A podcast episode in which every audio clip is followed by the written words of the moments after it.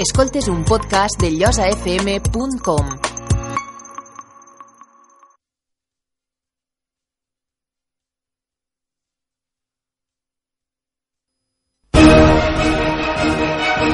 La Llosa al dia, el punt d'informació radiofònic sobre la Llosa de Ranes.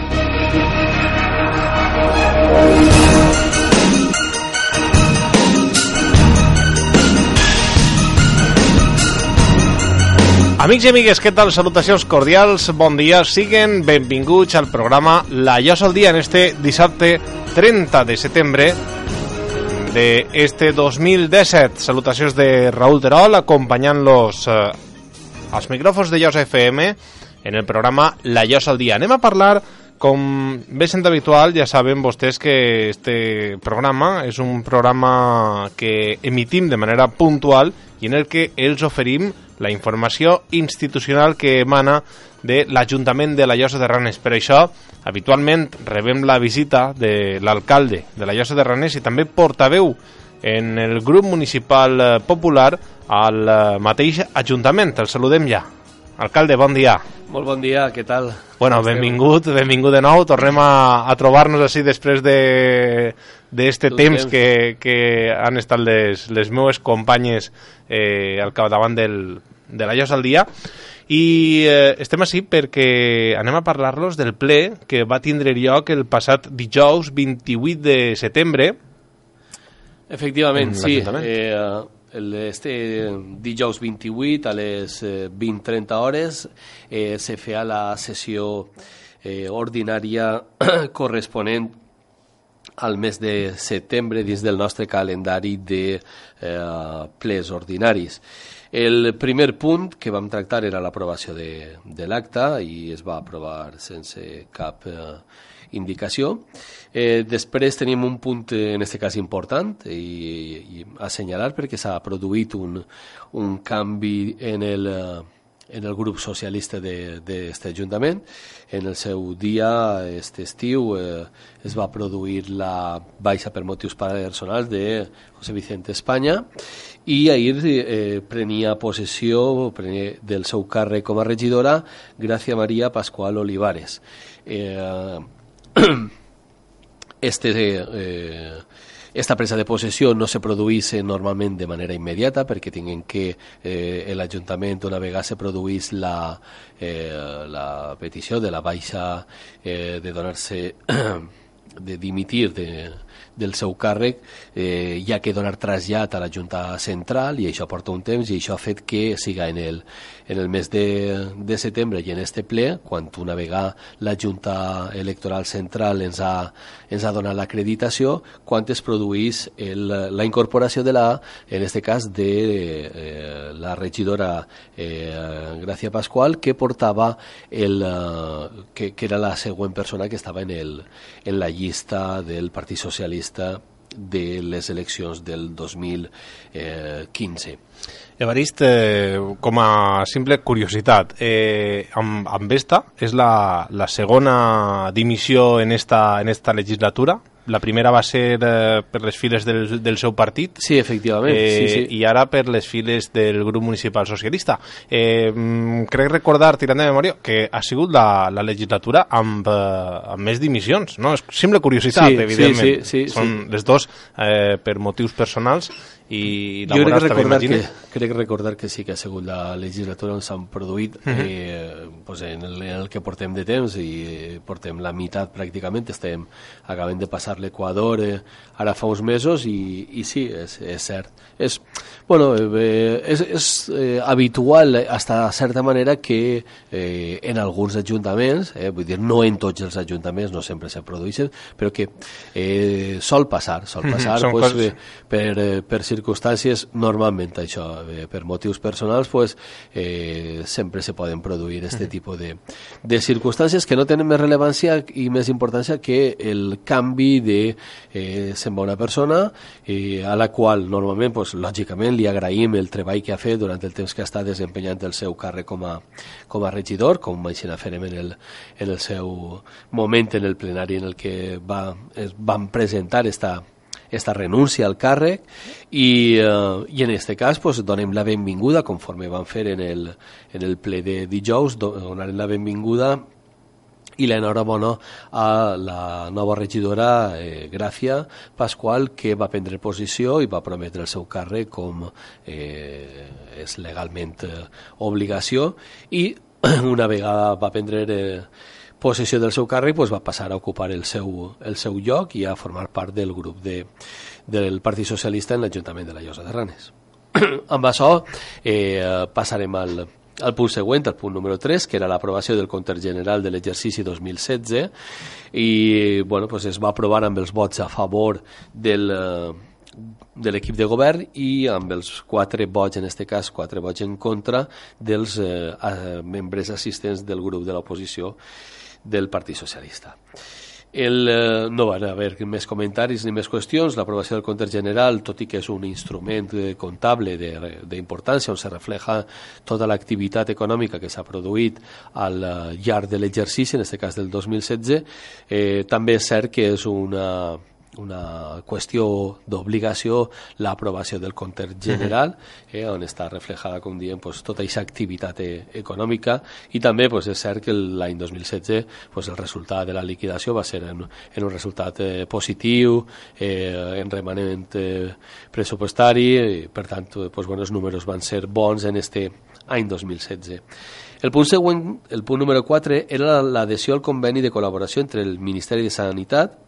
els Serveis Socials d'Igualtat i la Generalitat per a la difusió i implantació del Sistema d'Informació d'Usuaris de Serveis Socials Generals, el SIUS, i la seva aplicació informàtica. Es tracta de l'adhesió a aquest conveni de col·laboració i sobretot del poder aplicar aquesta ferramenta de treball que gasten els eh, serveis socials i que es coneix com a este sistema d'informació, aquesta aplicació informàtica que es coneix com a programa SIUS i que serveix per a eh, millorar l'acció de les treballadores socials, en aquest cas. Este quart punt es va aprovar eh, per unanimitat amb el recolzament de tots els membres de eh, l'Ajuntament que estaven presents. El següent punt, el punt número 5, que és la creació del Consell Escolar Municipal i l'aprovació inicial del reglament eh, regulador.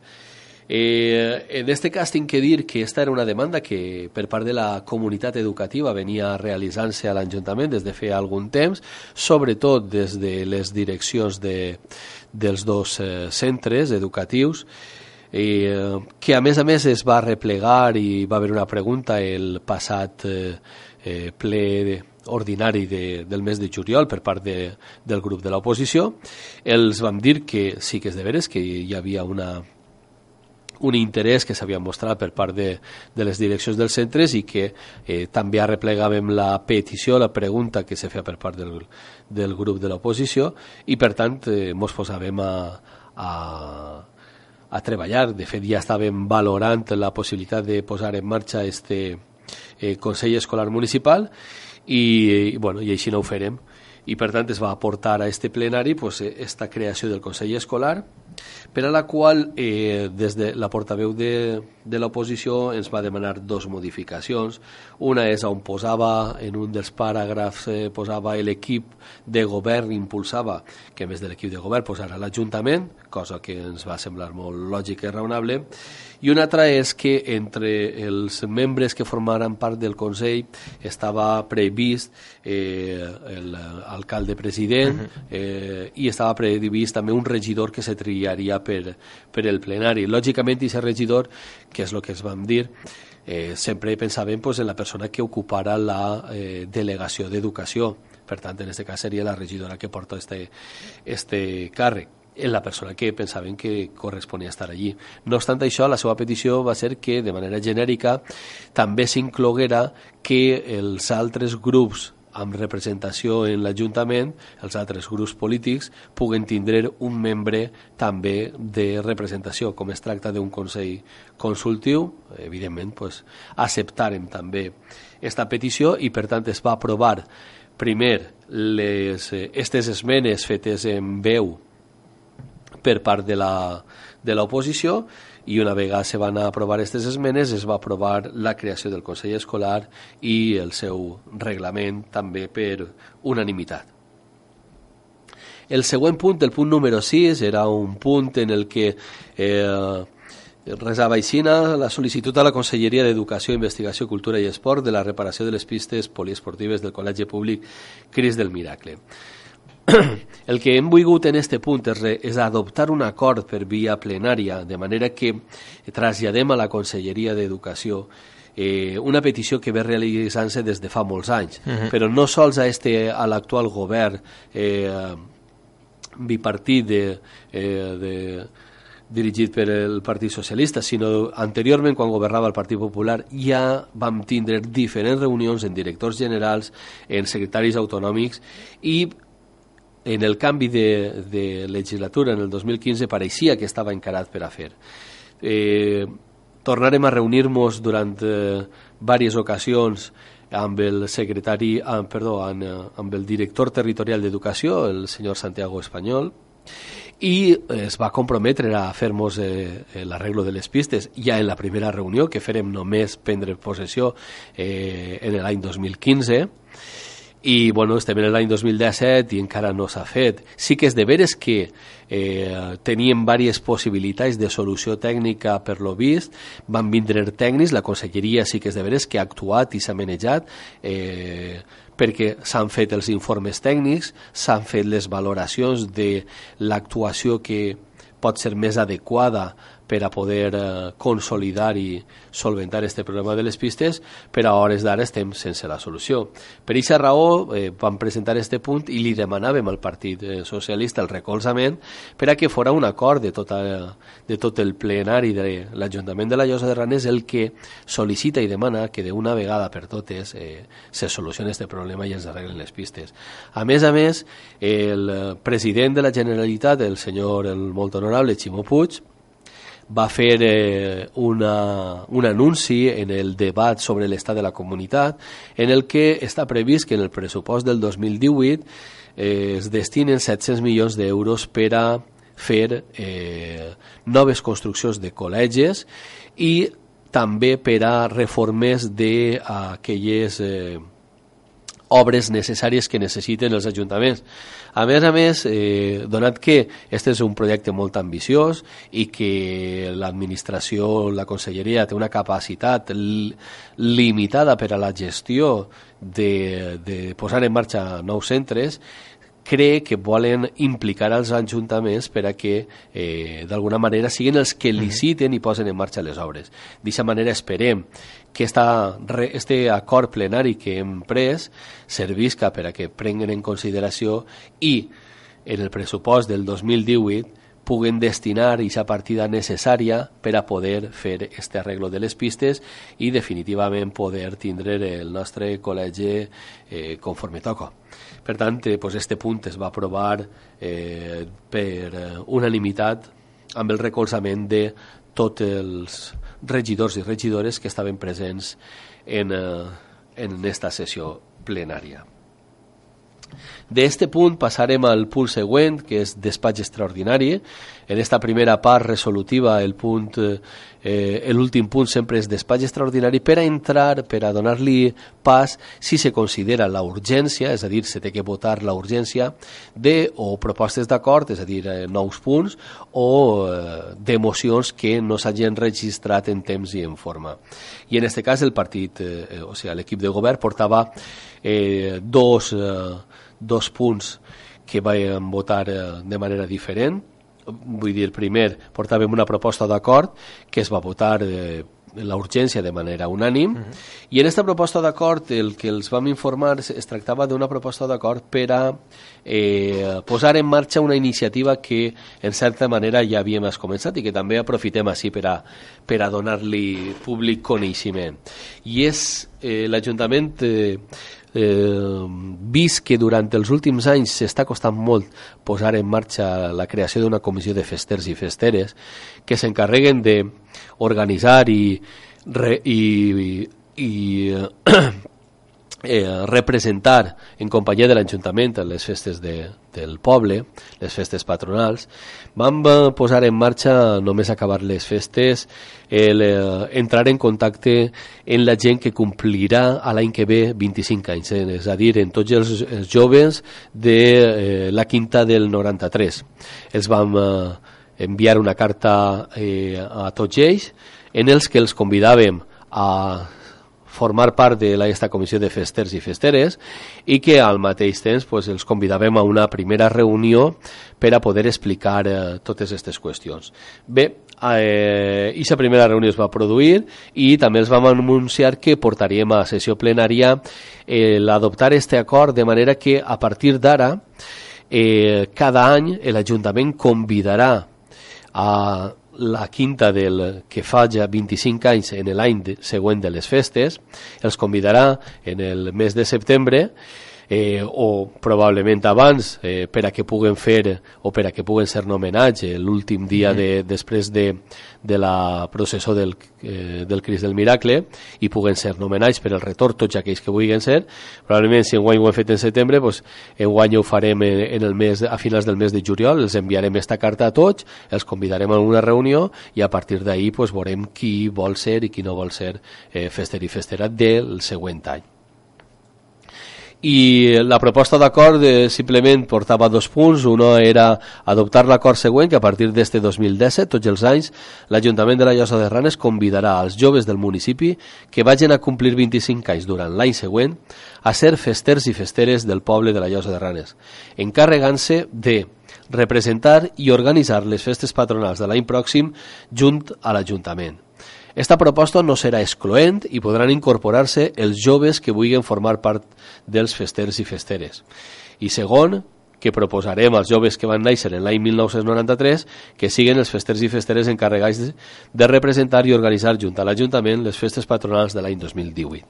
Val, este acord va ser aprovat també per per, unanima, per unanimitat i es vam confirmar que esta proposta no era excloent, eh, com ja replega el propi acord, perquè la intenció és que siguin una base per a fer una, un grup de, de joves que tinguin eh, la intenció de començar a treballar i de començar a, a fer eh, a preparar les festes de l'any següent i que este grup de, de gent jove d'una quinta determinada, la que complisca 25 anys, no exclourà a qualsevol altre que vulgui sumar-se, que vulgui formar part d'esta comissió. Com dic, es va aprovar per unanimitat i també eh, puguem anunciar eh, avui que eh, ja existís una comissió de, de xics i de xiques, de joves de 25 anys eh, principalment, encara que no tots, eh, que se van encarregar de formar, de fer esta comissió. L'Ajuntament els ha donat la màxima col·laboració, com sempre hem fet i, i com continuarem fent, perquè no pot ser d'una altra manera, i anem a tractar de que puguen treballar i que puguen fer un gran any de festes i que les festes del 2018, pues, com sempre diguem, siguin les millors festes de la història i que aquests joves pues, tinguin l'oportunitat de representar al seu poble, d'organitzar-les i de passar-se-ho molt bé, no sols durant la setmana de festes, sinó durant tot l'any anterior en aquesta elaboració. Mm -hmm. Des d'ací animem a la gent a que col·labore, sé que ja estan treballant i ja estan preparant els cartons, i com que la gent no els coneix, hem pensat i probablement tirem endavant que el dia 9 d'octubre anem a convidar-los a este grup de gent eh, jove, a esta comissió de festes, a, que, eh, a presentar-los davant de, de tot el poble en eh, l'acte institucional que el dia 9 d'octubre farem en l'auditori. D'esta manera, abans de fer la entrega de premis, els cridarem i els presentarem a, eh, seran presentats de manera oficial a la gent i probablement si, si funciona bé pues, ho convertim ja en un acte més en el que la, els festers i festeres de cada any puguen participar i d'aquesta manera el, també el 9 d'octubre eh, li donem encara més força a aquest acte institucional al ser encara més participatiu. Uh -huh. Bueno, pues eh, sense dubte és una grandíssima notícia el, el fet de que tots els anys puguem eh, tindre una, una comissió de festes i de que el pròxim any hi hagi una, una comissió de festes. Sempre les festes lluixen molt lluixen molt més si n'hi ha festers i festeres. Mm -hmm. i, i després jo crec que una cosa que ja es comença a escoltar i li he escoltat a alguna gent. Eh, ja n'hi ha quadrilletes pues, a la millor de 10, 18 19 anys que diuen ah, pues a nosaltres d'ací sis anys, eh, en tal eh, any mos tocarà ser fester. I la gent ja pot anar fent-se una previsió, se ho pot anar comentant en el grup de gent que, que després formarà, pues, a lo millor, aquest nucli uh -huh. que es comença a organitzar, a treballar. Més, I, és una, una edat molt... Eh... Jo crec que molt interessant, perquè uh -huh. però, eh, la majoria de gent ja ha acabat els seus estudis eh, i, per tant, o a lo millor ja s'han posat a treballar i, per tant, contenen recursos propis per a els xocotets o grans gastos que puguen ser en les festes, que, que al final tot està en la mesura de, de, de lo que vull, de lo que una uh -huh. puga fer i tinga, no és precís tirar, eh, tirar com diguem, el burro per la finestra, vull dir, eh, uno pot fer un gasto mesurat i ser tan, un fester tan digne o festera tan digna com qualsevol altre, eh, que al final tots lluïssin molt, uh mhm. -huh. tots ho fan molt bé i el més important és que puguem tindre aquests jovens eh, representant-nos a tots i aquests xics i xiques que sempre, sempre ho fan molt bé. Bueno, pues sense dubte, com dia, una grandíssima notícia per a les festes de la Llosa de Ranés que disfrutaran de comis i de festes per a la pròxima eh, per el pròxim any, per este 2018 i que segurament pues, tots ells puguen eh, comptar amb aquesta quinta dels 25 anys que estiga pues, eh, dirigint les, eh, les festes patronals i organitzant les festes patronals pues, que, que tanta, tanta falta fa. No? I animant la vida social a lo, a lo llarg de tot l'any, perquè sabem que els festers i festeres sempre estan organitzant eh, diferents actes. Ara, si formen part de, de,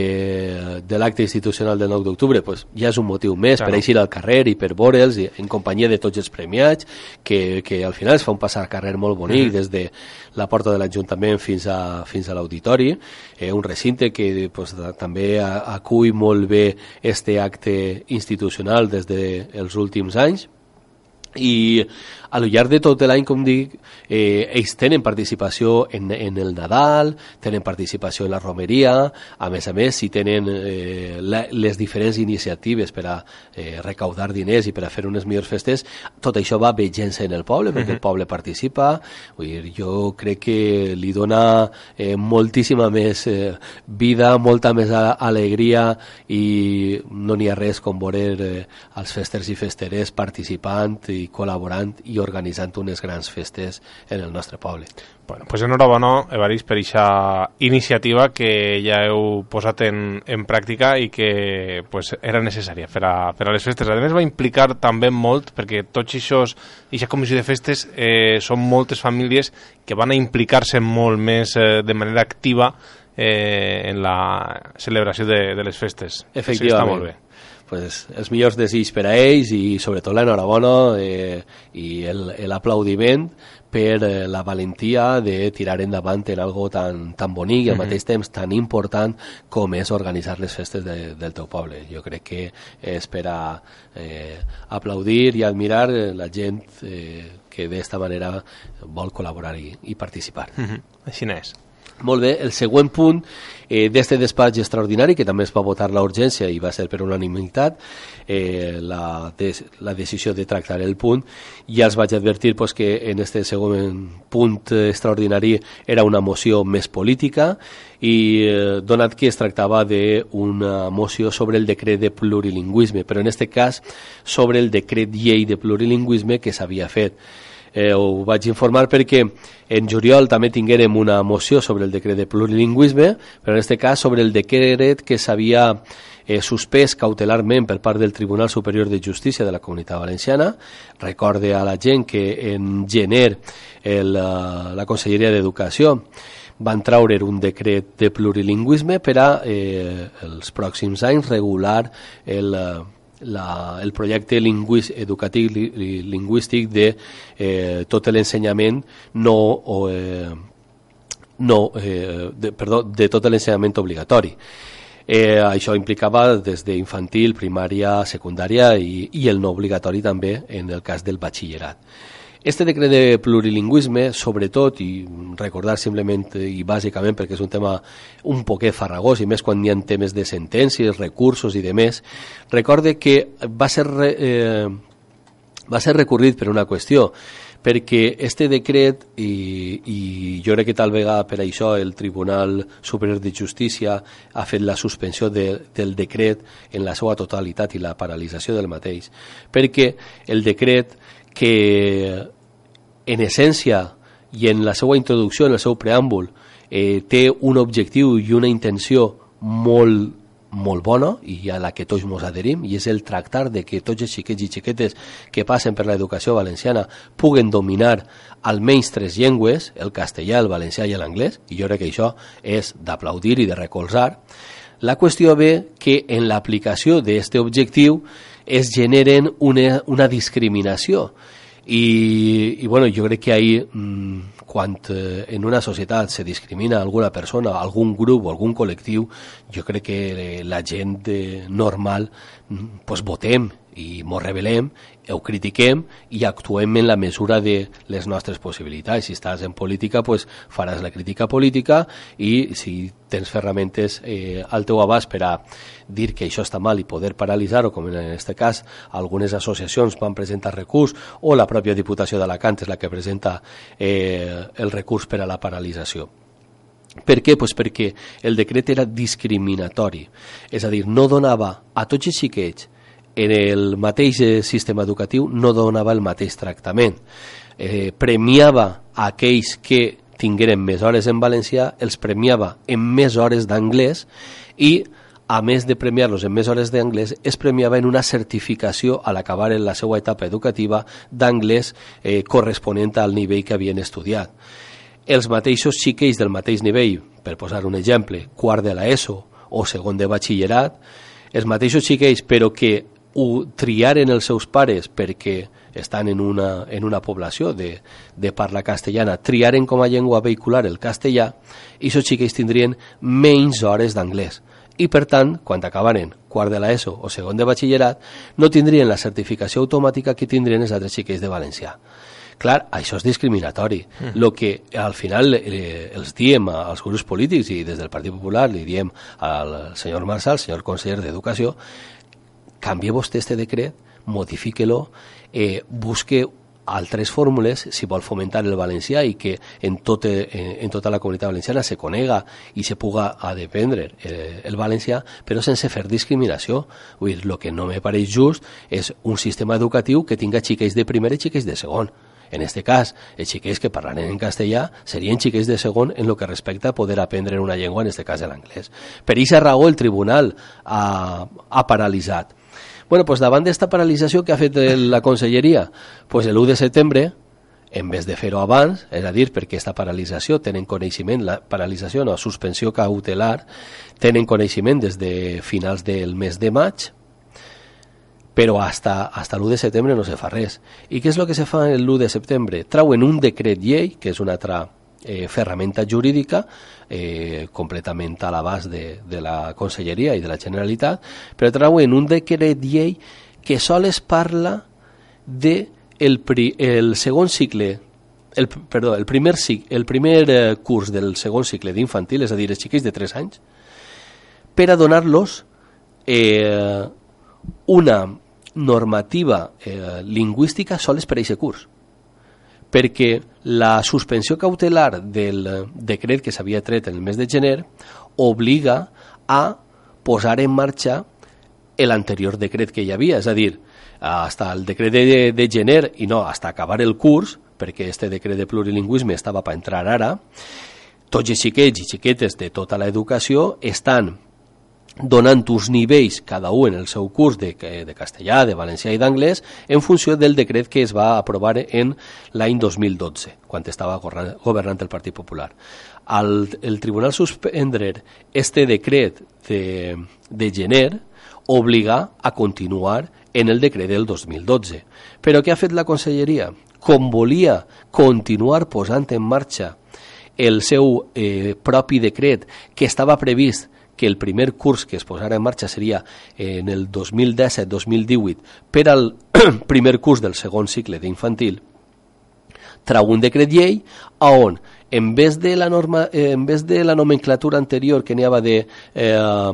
bàsic, intermig i avançat, ara era A, B i C,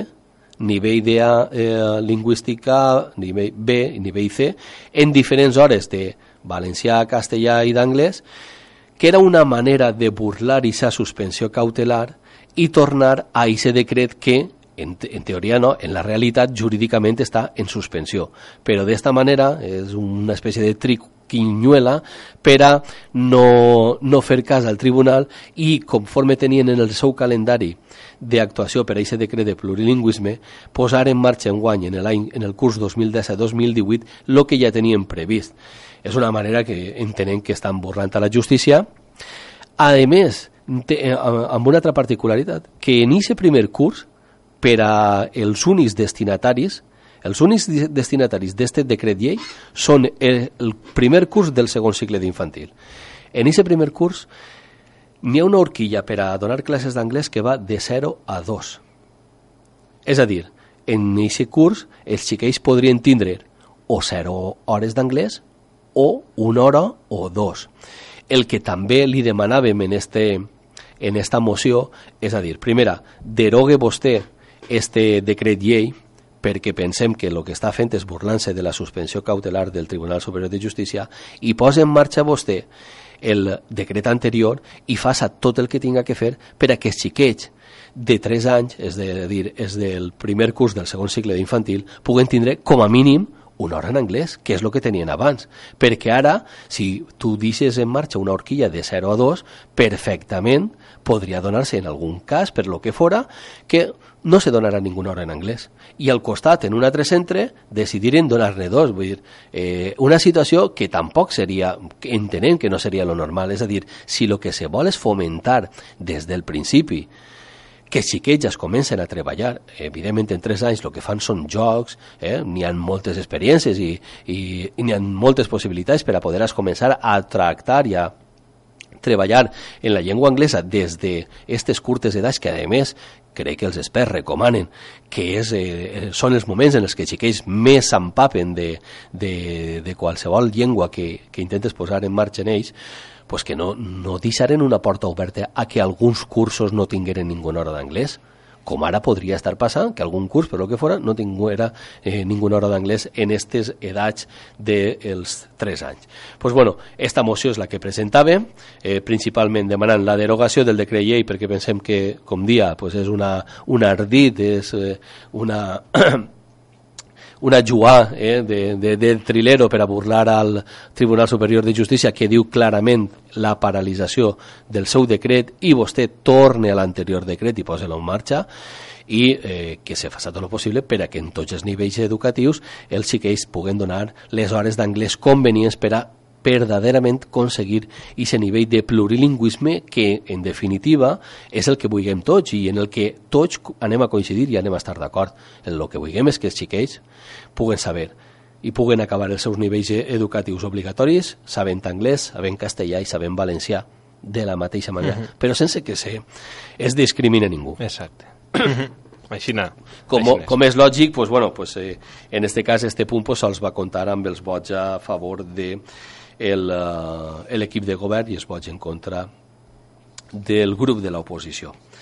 I amb, este, amb estos despatxos extraordinaris finalitza ara la part resolutiva, passem a la següent part, que el punt número 8, eh, la de control dels òrgans de govern de la corporació, és eh, donar compte de les resolucions de l'alcaldia des de la número 177 a la número 206, eh, a la, perdó,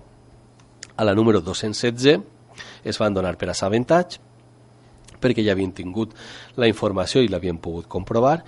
I després el punt número 9 és el punt de les mocions dels grups polítics. No n'hi havia cap moció. El, I el punt següent, el punt número 10, era el punt d'informació de l'alcaldia als membres de la corporació. En este punt aprofitarem en un primer lloc eh, per a destacar i informar els actes a celebrar del dia de la festa del 9 d'octubre. Eh, hem fet un cartell del dia 9 d'octubre amb tots els actes que estan preparant-se i que ja han començat, que de fet ahir ja, ja es va ini, eh, el dijous es va iniciar en... Eh, en la presentació, presentació de... del llibre del el robatori de Benimassot per part de Manel Arcos uh -huh. i, eh, i que coincidia, eh, coincidia en el, pràcticament es començava en el centre cívic a les, a les set i mitja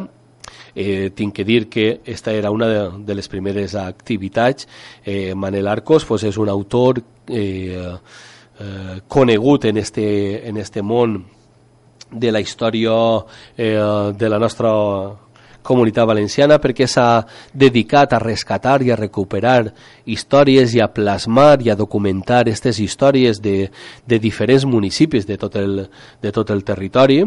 i este llibre en concret, el robatori de Benimassot, este va per la seva quarta edició, és el, el best-seller eh, en este cas de Manel Arcos, és un llibre que ha tingut eh, molt d'èxit i que a més conta una història que es va produir a finals del segle XIX, si no recorde mal, eh, situada en 1874, 73-74,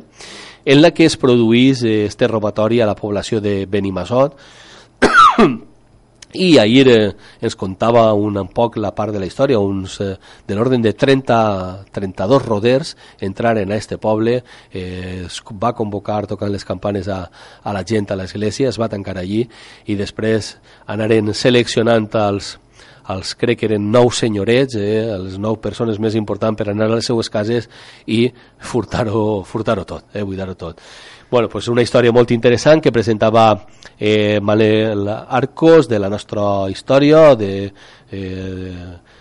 en este cas de Benimassot, uh -huh. i que a més a més donaven pues, un poc la primícia, una notícia jo crec que interessant i important, perquè així en la Llosa de Ranes pues, també han tingut un roder eh, famós i un roder eh, important, perquè cre crec, i, i no sé si parle en exactitud, però quasi, quasi, crec que és l'únic roder que va morir al llit. És l'únic roder que va morir al llit i que, a més a més, eh, Miquelet Mas, a més de, de morir al llit, pues, va ser un roder que va arribar a ser alcalde del poble del costat, de, de Roglà. Eh? Per tant, és un personatge eh, que forma part de la nostra història i amb el qual anem a, li hem li hem encomanat a, a Manel Arcós el projecte de fer un llibre. En este cas no va ser una novel·la, sinó va ser un llibre d'història en el que Manel, que ja té molta documentació arreplegada de, de Miquelet Mas va contar pues, pues, en pèls i senyals, en tot el que ha pogut arreplegar, en tota la documentació, la història de Miquelet Mas. I la voluntat és poder presentar este projecte en agost de l'any que ve en el en el marc de les festes patronals a poder ser. Ja buscaríem el dia i la data i creguem que és un projecte molt interessant per a aquells que vulguin conèixer millor pues, un poquet eh, part de la nostra història, com és la d'este famós eh, Roder, que curiosament va arribar fins i tot a poder ser alcalde d'un municipi, mm -hmm. alcalde de Roglà. No sé si estic mescant eh, algun terme, val? Eh, però pot ser que sigui la cara que hi ha esculpida a la part de darrere de l'ermita de Santana o, o estic jo confós? Bueno, no, no tinc clar que, que, que siga, siga que, que siga ell, no, no tinc clar. Sí que s'ha eh, que, que s'ha especulat i, i tal, però, però no, no, no tinc en clar que, que siga ell per ells. Bueno, i jo també crec que ell he llegit que és més probable que siga que corresponga a algun dels, eh, dels ermitanys que puguen tindre eh, l'ermita de Santana. Uh -huh. No obstant, eh, pues, bueno, esperarem a poder tindre el llibre, poder llegir-lo, a veure si eh, sobre aquest aspecte pues, també ens informa i es dona més claretat. Exacte. Bueno, pues esta setmana eh, tindrem a Manel Arcos també així en, en Josep FM per a, per a parlar de la presentació i per a parlar-nos d'aquest llibre, el robatori de, de Benimassot amb uh, Antoni Castells al llarg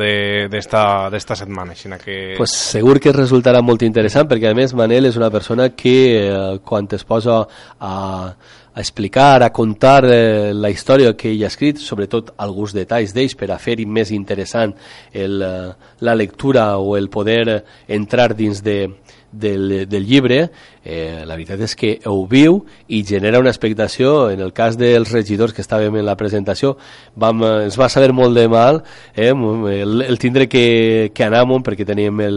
el ple eh, i no vam poder acabar en la història en un dels punts més àlgids que estava i tenia, Manel tenia pues, això, a tot l'auditori el tenia sí. la boca oberta, sí, expectant sí, sí. a tot allò que, que anava contant. A més, aquestes paraules que està vostè dient eh, són les mateixes que el meu company Antoni Castells, que va estar present en eixa, en eixa presentació del llibre, me, dia, me transmitia també a través d'un correu electrònic, m'estava dient, diu Raül, eh, Manel ens tenia a, tot el, a tota la gent que estàvem ahí eh, expectants en, eh, en la història del robatori sí. de Minimasot. Estàvem enganxats completament en aquesta presentació. Sí, sí, molt, molt interessant mm -hmm. i, i molt recomanable. Sí. Pues bé, eh, seguint en en, uh, en les activitats i els actes que de, tinguem preparats a nivell cultural, el divendres dia 6 també tindrem unes xerrades sobre història local. En aquest cas, per part d'un eh, jove eh, historiador local, Nicolás Dací, que ens parlarà sobre el, el seu treball, el seu projecte, eh, sobre el, la importància i la rellevància de la conservació dels documents i l'arxiu de José Pons. I també tindrem Antonio Bort, que ens farà eh, una xerrada sobre els moriscos i la creació d'una nova red parroquial, que en este cas eh, pues bé, té informació que afecta al, al poble de la Llosa de Ranes en este, en este període i també alguns eh, llocs de la comarca, perquè tant trobe que serà una xerrada molt interessant que es farà el, el divendres dia 6 a les 8 en el centre cívic. I crec que també pareix ser que Antoni Castells estava contactant amb Nicolàs sí, sí. d'ací i probablement també podran anar eh, pues bueno, anar anunciant i anar eh, comentant la, esta setmana que ve eh, pues esta xerrada per a que la gent pugui acudir i, i escoltar eh, eh, jo crec que dos intervencions que van a ser molt, molt interessants. Així és, esta setmana entre dilluns i, i el dijous entre les 10 i la 1 eh, estaran també amb eh, el nostre company Antoni Castells, eh, el eh, historiador Nicolàs Dací. Uh -huh. I bé, el dia següent, el dia 7, també a les 8 de la vesprada, eh, tindrem un espectacle teatro musical, un contacontes, eh, indicats jo crec que per a tot tipus de públic però especialment també per a xiquets. N'hi haurà també taller de maquillatge de roders eh, se'ls recomana xiquets que vulguin vindre i xiquetes que porten un mocador eh, i els eh, pues, eh, intentaran eh, disfressar-los com, a, com els roders. I eh, en este cas eh, es tracta del tresor de, de Benimassó de Paco Pascual. Eh, curiosament eh, ahir eh, el, el passat dia el, eh, de presentació del, del llibre, uh -huh. eh, Manel eh, feia esta explicació que eh, el, el fet històric del, tresor, del robatori de Benimassot havia donat, eh, havia donat molt de joc eh, fins i tot en el seu cas per escriure un llibre, eh, però a més a més havia donat joc per a fer eh, un contacontes, com és el cas del Tresor de Benimassot, per a fer pues, un espectacle com el que se fa eh, músico-teatral i, i contava eh, pues, bueno, d'este fet eh, lo interessant i eh, la divulgació que havia tingut de maneres diferents. Eh, per això pues, també convidar a la gent a que el dia 7 eh, acudisca al centre cívic perquè segur que veurem un espectacle que no estem, a, no estem acostumats, un contacontes per a xiquets en els que a més a més pues, tindrem música, estarà musicat al mateix temps que està fent-se este contacontes uh -huh. i també pues, una actuació teatral que anirà tot eh, relacionat en el contacontes del tresor de Benimassot. Uh -huh i ja eh, arribarem al, al dia 9 en el que està previst eh, l'acte institucional que convocarà a les associacions a la porta de l'Ajuntament a les 13 hores i que des d'allí, amb tots els premiats i eh, els festers i festeres de, del 2018, ens traslladarem a l'auditori on se farà l'acte institucional eh, tinguem diferents ca campions que van a ser premiats i alguns eh, tinguem la sort de que repetissin i és molt important, tinguem un recent subcampió d'Europa per equips i eh, campió autonòmic de pesca com és el cas de Vicent Giner eh? Vicent és un gran campió en esta modalitat de la, de la pesca eh, té un reconeixement en, en el món de la, de la pesca en, en tota Espanya i Eh, pues, tinguem l'orgull de que ens va representar en el campionat europeu que es va fer a, a Portugal i el seu equip va ser subcampió, és tot un èxit i el nostre reconeixement, Vicent, pues, estarà amb tots nosaltres, com eh, igualment el cas de Marian Ramon, eh? Marian Ramon també ha sigut eh, subcampiona del món eh, per equips i campiona d'Espanya eh, en l'equip de veterans de més 40 femení i és també, com dic, un grandíssim orgull eh, tindre una campioníssima, Marian és un, també eh, molt reconeguda i volguda en el món del tennis i bueno, per, a, per a tot el poble de la Llosa pues, és, és un orgull. I també tinguem un altre gran campió, en este cas en la cria de, de Canàries, com és José Luis Tomás, que eh, guanya segur campió d'Espanya i campió del món. Vull dir, és algo extraordinari, però que també eh, és... Eh, repetís eh, eh, en estos premis i és tot un orgull el tindre a José Luis Tomás eh, rebent este, este premi. Després tindrem els... Eh, als estudiants, els premis eh, als estudiants, als diferents estudiants del nostre col·legi, de, de l'institut, tindrem els eh, premis eh, Sant Bori, tinguem l'equip de prebenjamins de l'any passat, eh, que eh, uh -huh. també van ser eh, eh, guanyadors, tinguem eh, a eh, Daniela Ciscar, que també va ser eh, campiona autonòmica de bàsquet en, en la categoria infantil i a més eh, també pues, eh, recordar seleccionada en la selecció espanyola de la seva categoria. Vull dir, també pues, eh, eh, una projecció molt, molt interessant. Eh, tinguem dos jugadors que estan jugant en les files del València i que també eh, han segut eh, eh, campions de, de la seva lliga i també tenen una projecció molt interessant. Vull dir, eh, una gran quantitat de premiats i de reconeixements i bueno, és, eh, la veritat és que dona gust eh, el veure a, a tants eh,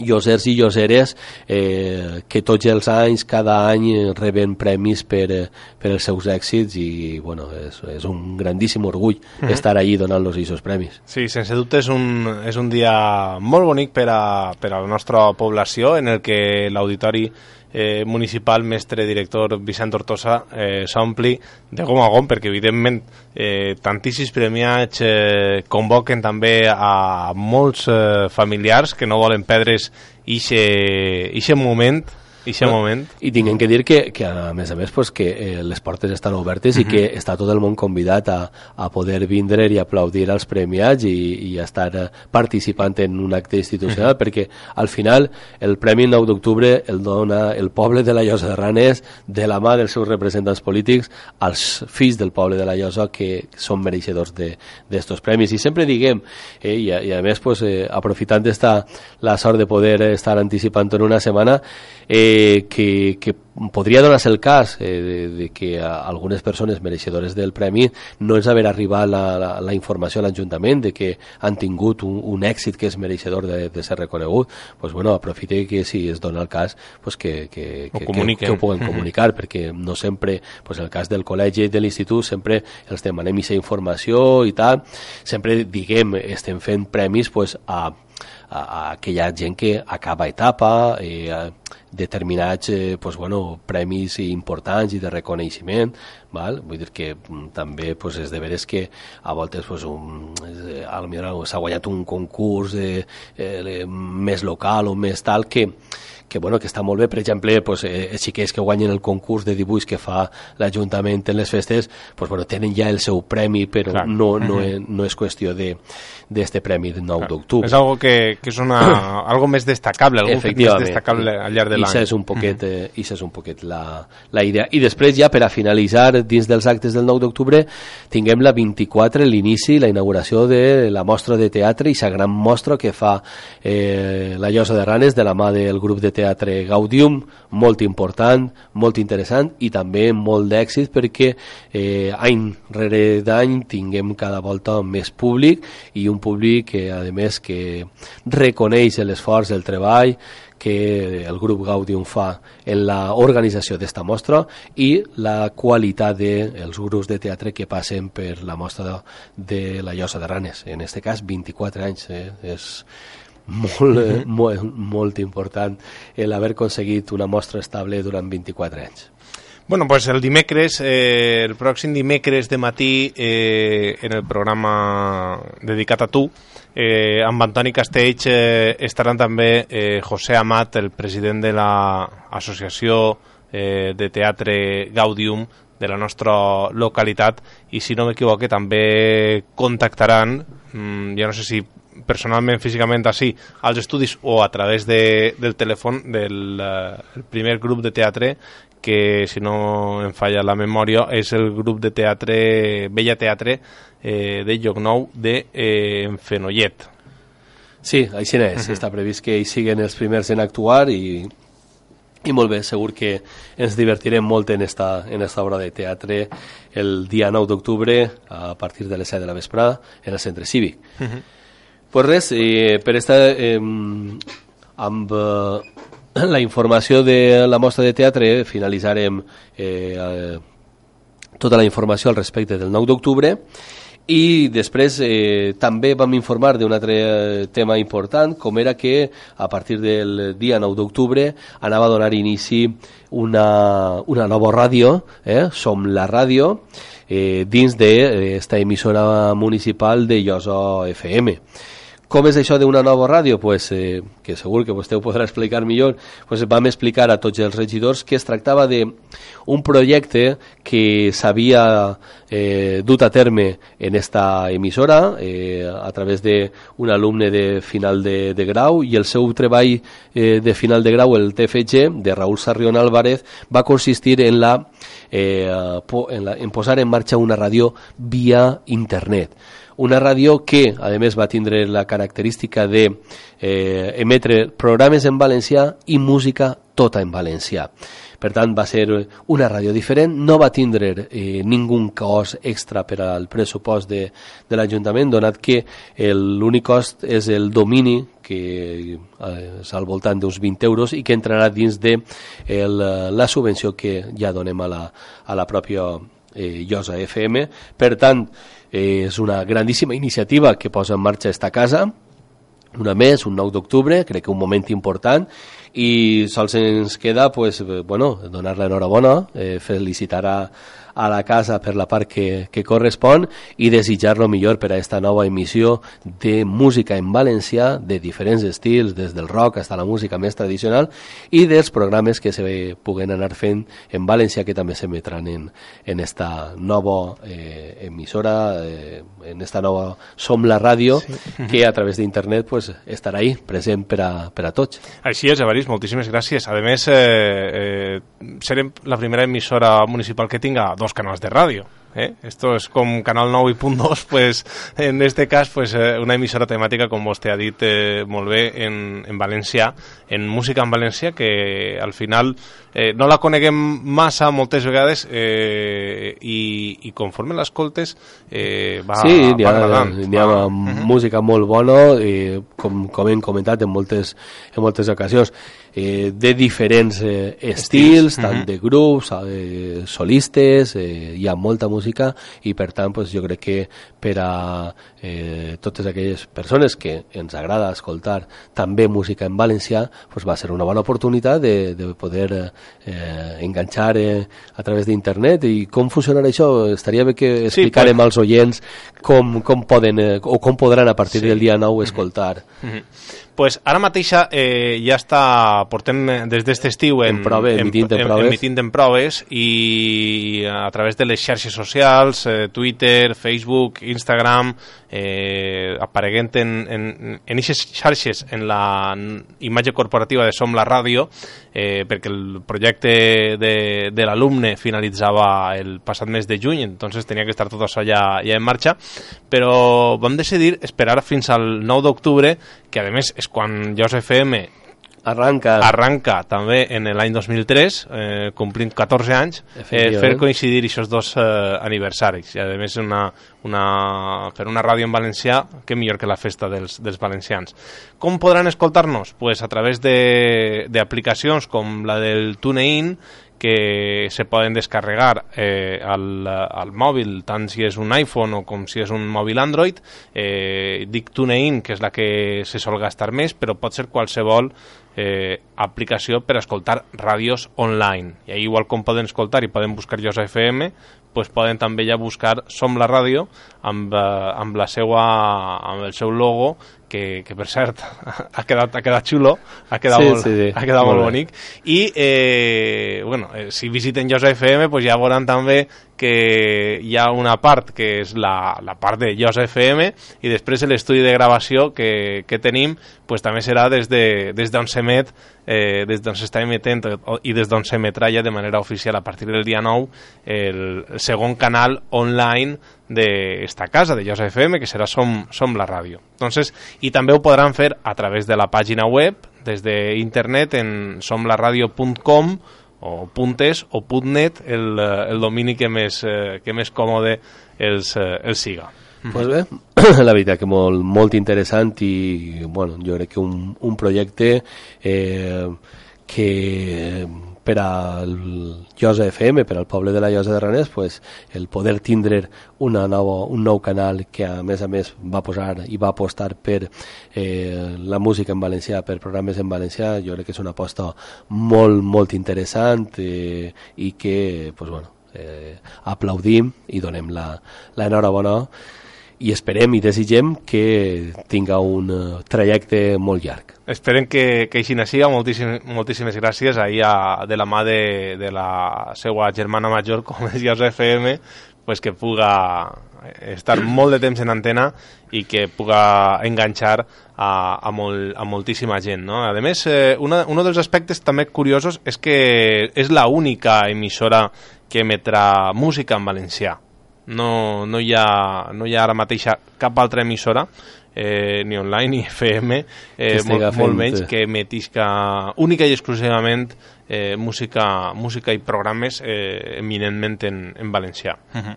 pues, eh, estarem escoltant eh, de tant en tant esta nova eh, emissora, eh, som la ràdio i també li donarem la, la difusió adequada a partir del dia 9, pues, eh, aprofitarem també les, eh, les xarxes de, de, de l'Ajuntament i les personals per a donar a conèixer que som la ràdio es comença el 9 d'octubre i a partir d'ahir eh, un camí esperem ple eh, d'èxits com no pot ser d'una altra manera. Perfecte, moltíssimes gràcies, Evarist. No sé pues si res, li queda alguna coseta no, més per a... El, es van a, així van finalitzar la part d'informació de l'alcaldia i sols quedava ja pràcticament el, el uh, últim punt que era el de pregs i preguntes uh -huh. on uh, pues, en primer lloc eh, es van demanar uh, bueno, eh, primer el que van fer la portaveu va ser felicitar a tots els premiats que acabem de nomenar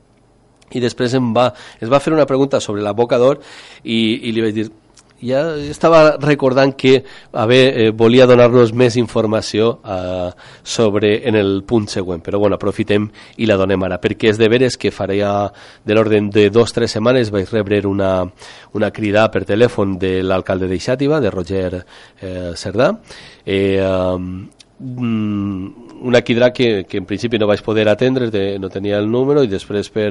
eh, via WhatsApp me va, me va dir mm, voldria parlar amb tu. Em vaig posar en contacte amb ell i la veritat és que Roger pues, molt amablement em va explicar tot el procés al respecte perquè havia eixit també, crec que aquest mateix dia havia eixit una notícia en el Levante eh, en la que es parlava de l'abocador de la Teixonera.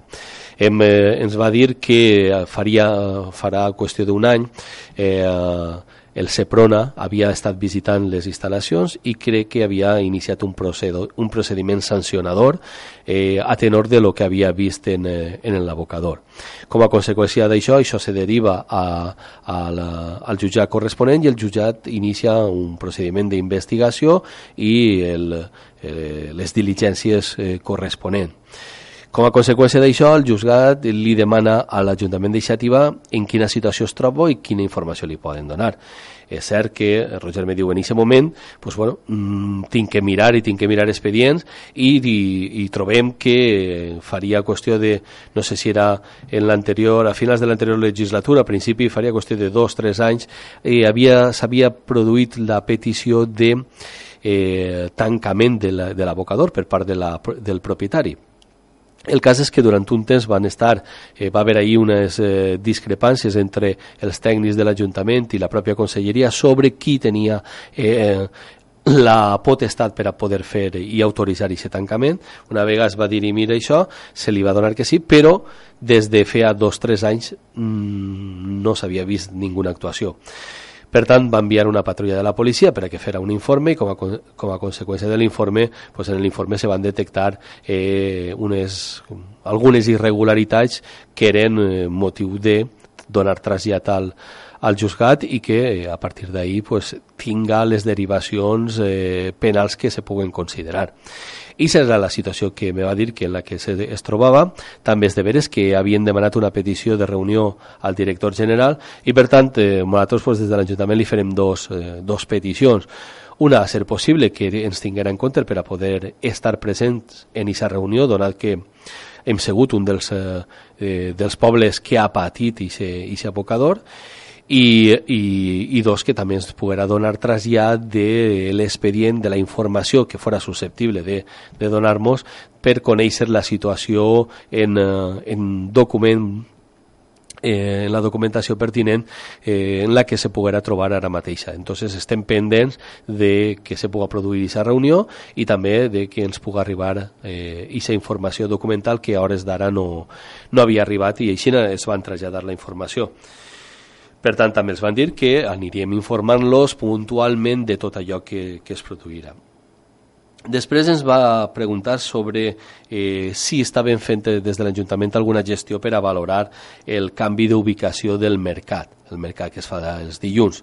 Eh, I el, el que es vam dir és eh, el que ja va, i és una petició d'alguns dels venedors del mercat eh, sol·licitant una reunió que per diferents motius l'hem convocada eh, en un parell d'ocasions i sobretot per motius d'agenda de, de, de l'Ajuntament pues, al final s'ha tingut que desconvocar i anul·lar però que tinguem previst el només breu eh, tindre aquesta reunió. És de veres que mm, personalment eren coneixedors d'algun interès per part d'algun de, dels vendedors de canviar la ubicació del mercat,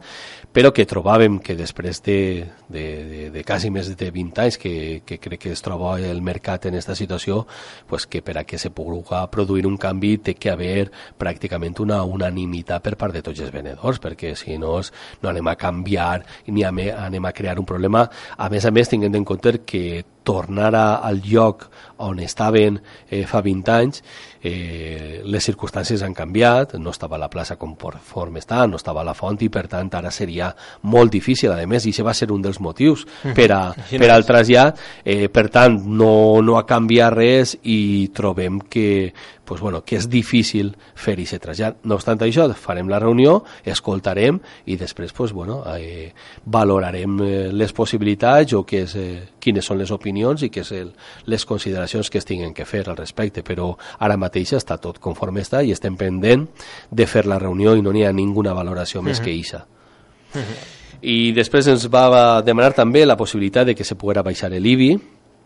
li van dir que eh, probablement som un dels ajuntaments que tinguem l'IBI més baix, eh, que hem anat baixant l'IBI també en funció de eh, l'augment que eh, cada any se fa del valor catastral, però també és de veres que vinguem de, ser, de tindre un dels valors catastrals eh, més baixos de, de tota la comarca i de les comarques del voltant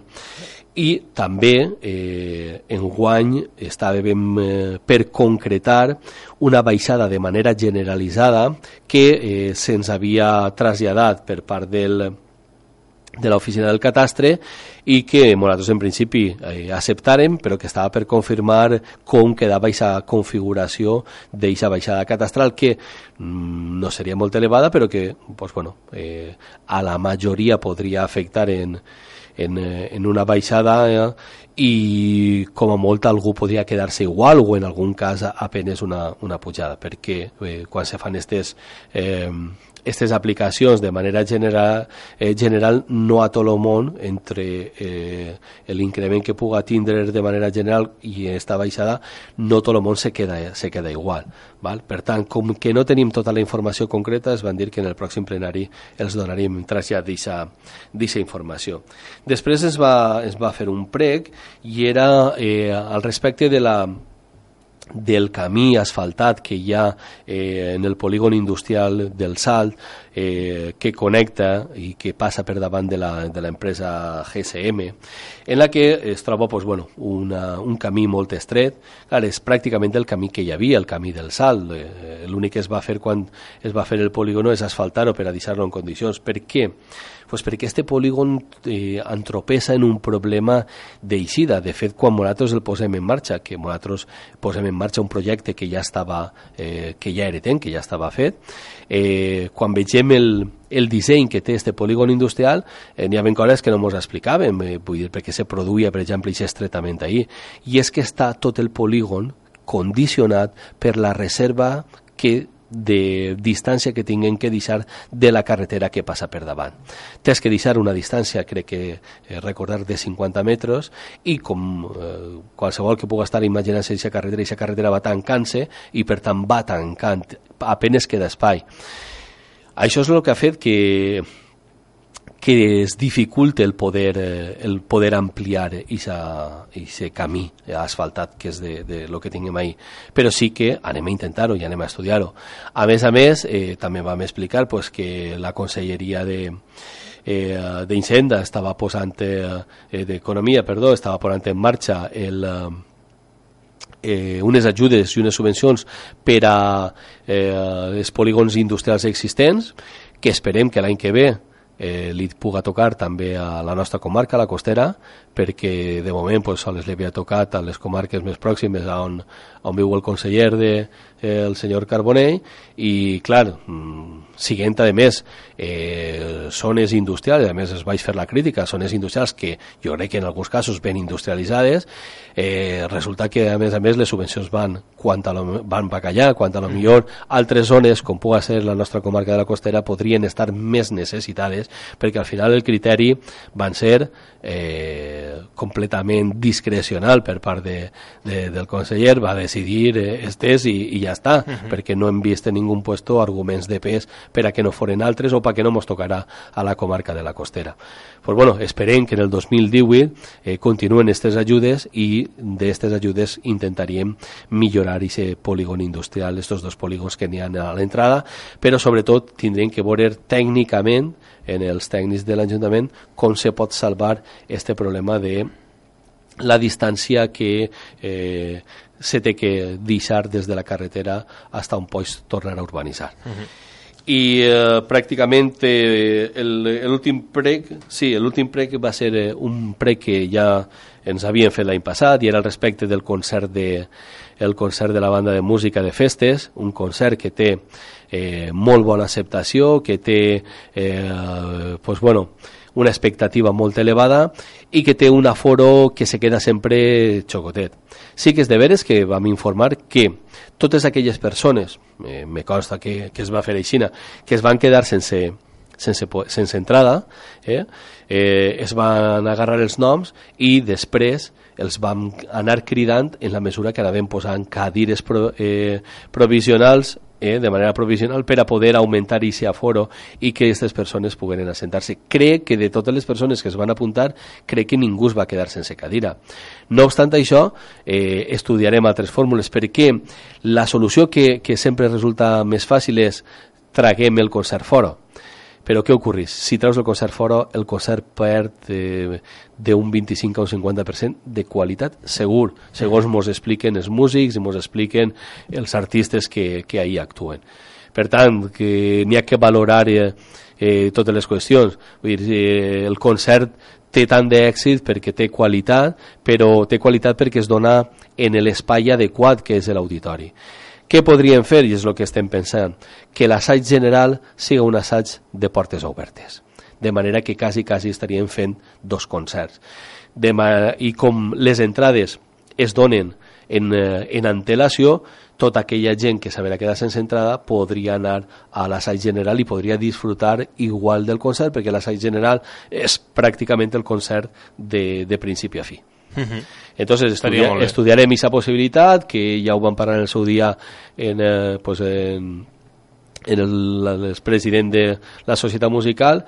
i en alguns músics i bueno, pues tractarem d'esta manera que ningú es quede sense poder disfrutar d'este grandíssim concert que és el que se fa en eh, la Setmana de Festes. I per últim va haver una petició un tant estranya una petició no, una pregunta i és si n'hi havia alguna regidora de l'Ajuntament donant classes de yoga a l'Ajuntament evident, evidentment van dir que no. I jo crec que va eh, eh, li van traslladar una pregunta pues, en una certa confusió en el nom de la persona que està fent yoga que és molt semblant però no és igual a una de les regidores. I d'ahir pues, tal vegada esta confusió i esta pregunta que ens va sorprendre a tots, perquè clar, no n'hi ha ninguna regidora ni regidor que estiga fent ningun curset de res, ni estiga donant yoga ni estiga donant res en les instal·lacions de l'Ajuntament. I amb això pues, va finalitzar este,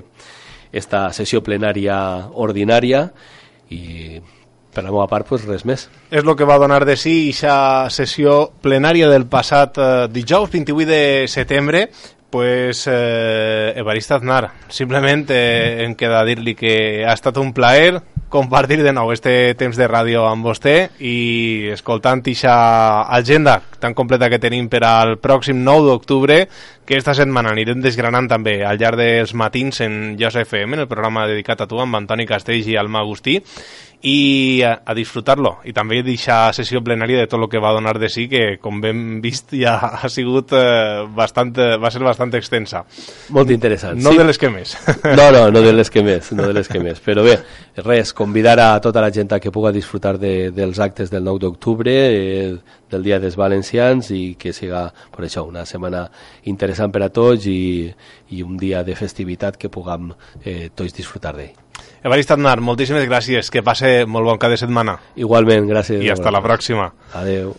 Nosaltres els eh, deixem amb la música de Josep FM, ja ho saben, en este cap de setmana del 30 de setembre, que disfruten de avui dissabte i també de diumenge. Bon cap de setmana, salutacions de Raúl Terol. Adeu.